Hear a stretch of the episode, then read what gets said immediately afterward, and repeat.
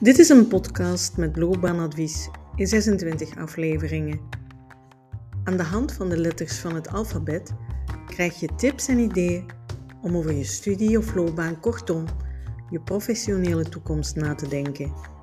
Veel plezier met dit loopbaanlexicon.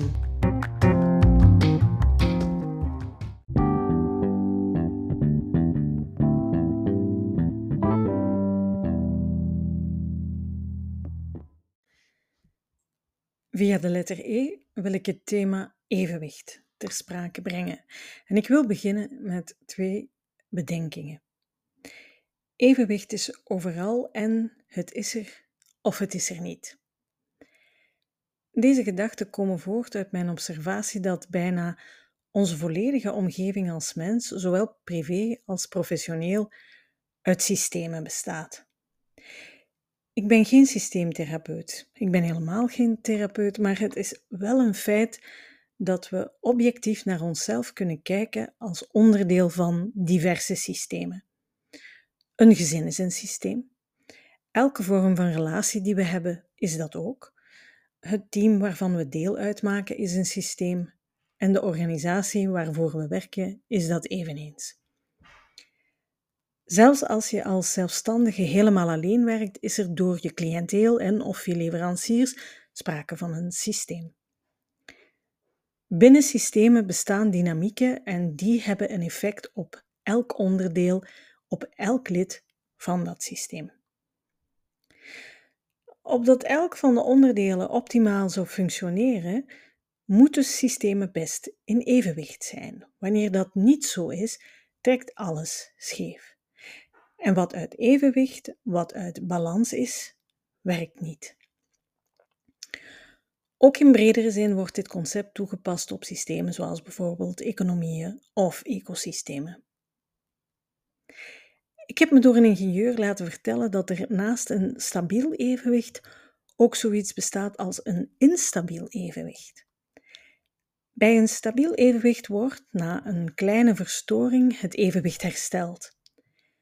Bij een instabiel evenwicht is het systeem geneigd om, na die kleine verstoring, steeds verder van de oorspronkelijke evenwichtsstand te bewegen. En uiteindelijk zal een instabiel evenwicht het bij de spreekwoordelijke laatste druppel begeven. Ik vind dit een mooi beeld voor het proces dat zich soms binnen een mens voltrekt wanneer een energiestoornis optreedt. Wanneer iemand van het ene moment op het andere in een toestand van uitputting terechtkomt, is daar altijd al een lang proces aan vooraf gegaan waarbij iemand zich steeds meer verwijderde van het punt van interne stabiliteit. Ik wil hier niet dieper ingaan op de arbeidsomstandigheden of organisatiekenmerken die dit in de hand zouden kunnen werken, omdat dit zo divers en uiteenlopend kan zijn dat die insteek hier geen toegevoegde waarde biedt. Liever kijk ik naar dat onderdeel dat als eerste opmerkt wanneer een verstoring binnen zichzelf optreedt, namelijk jij en ik, wij allemaal. Daarom maak ik even een zijsprong naar de natuur. In de biologie spreekt men over evenwicht in termen van homeostase. Homeostase verwijst naar het vermogen van een organisme om een stabiele interne omgeving te handhaven ondanks de veranderingen in de externe omgeving. Feedbackmechanismen spelen een cruciale rol in het handhaven van die stabiele interne omgeving. Zij zorgen ervoor dat de interne omstandigheden binnen nauwe grenzen worden gehouden, wat essentieel is voor de goede werking van cellen, weefsels, organen en het organisme als geheel. Merk op dat het woord grenzen hier gevallen is. Net als bij het instabiele evenwicht blijft verstoring niet eindeloos zonder gevolgen. Het andere woord dat gevallen is, is feedbackmechanisme en daar wil ik nu even op doorgaan.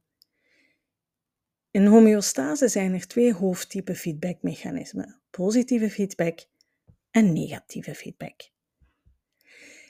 Negatieve feedback is het meest voorkomende type feedbackmechanisme in homeostase. Het doel van negatieve feedback is om een verstoring van het evenwicht te compenseren en terug te keren naar de normale toestand. Merk hier de overeenkomst met het stabiele evenwicht op. Een klassiek voorbeeld is de regulatie van de lichaamstemperatuur. Als de lichaamstemperatuur stijgt, stuurt een bepaald gebied in de hersenen een signaal en treedt er een regulatieproces in werking. Via het zenuwstelsel wordt het zweetproces in gang gezet, waarbij de zweetklieren worden geactiveerd, geactiveerd sorry, om zweet te produceren. En dit heeft als doel het lichaam af te koelen en de lichaamstemperatuur te stabiliseren. Positieve feedback versterkt een stimulus in plaats van deze te compenseren, waardoor het systeem verder uit balans raakt. Een voorbeeld daarvan is de bloedstolling, omdat het proces zichzelf versterkt en in stand houdt. Wanneer er een wonde is, start het stollingsproces, waarbij elke stap de volgende stimuleert en er steeds meer activering is totdat het bloeden stopt. Zodra de bloeding is gestopt en het bloedvat is hersteld, worden mechanismen geactiveerd om het stollingsproces te remmen en het evenwicht te herstellen. Positieve feedbackmechanismen zijn vaak gericht op het snel en effectief reageren op noodsituaties. Maar uiteindelijk komen er altijd mechanismen aan te pas die erop gericht zijn het oorspronkelijke evenwicht ook weer te herstellen. In een arbeidssituatie of tijdens een studie kan dat ook zo zijn. Soms moeten we tijdelijk een tandje bijsteken, onszelf meer activeren om een noodsituatie te kunnen tackelen. Maar op een bepaald punt moet er ook een feedbackmechanisme in werking treden dat de remmen dichtgooit. Je kan eens in het rood gaan, maar je mag er niet in blijven. Sommige mensen zijn goed in het reageren op hun feedbackmechanisme en anderen negeren de signalen ervan totdat dat niet langer mogelijk is, omdat de uitputting toeslaat. Hoe komt dit? Er zijn karaktertrekken die mensen gevoeliger maken voor het, voor het energieverlies of het verlies van energie, omdat ze hun interne stabiliteit sneller uit het oog verliezen. Ik beperk me hier tot een paar voorbeelden om je een idee te geven waar dit over gaat. Misschien ben jij iemand die ervan overtuigd is dat behulpzaam zijn heel belangrijk is. Je staat altijd klaar voor anderen, je wil iedereen helpen en je zult snel de behoeften van de ander voor die van jezelf plaatsen. Of ben je iemand die graag alles onder controle houdt? die de dingen niet kan loslaten en die alles tot in de puntjes wil verzorgd en geregeld zien. Het kan ook zijn dat je het belangrijk vindt dat mensen je leuk vinden. Je wil geliefd zijn door je omgeving of je hebt een grote behoefte aan waardering en bevestiging. Of ben je iemand die zich veel zorgen maakt over de toekomst, die piekert en die vaak angst heeft dat dingen mis kunnen lopen? In al deze gevallen zal je heel vaak de extra mile afleggen die jij nodig vindt om externe factoren te beïnvloeden. En dit gaat soms ten koste van de interne huishouding. Er zijn ook gedachtepatronen die de signalen van een gezond feedbackmechanisme blokkeren. Kijk eens of je je op het volgende betrapt. Hard en lang werken is gelijk aan geëngageerd zijn. Competent zijn betekent geen fouten maken. Altijd ja zeggen maakt van jou een teamplayer. En dingen niet in vraag stellen valt samen met constructief zijn. Waar zouden deze overtuigingen vandaan kunnen komen? Van jou? Van je professionele, professionele omgeving? En hoe waar zijn ze?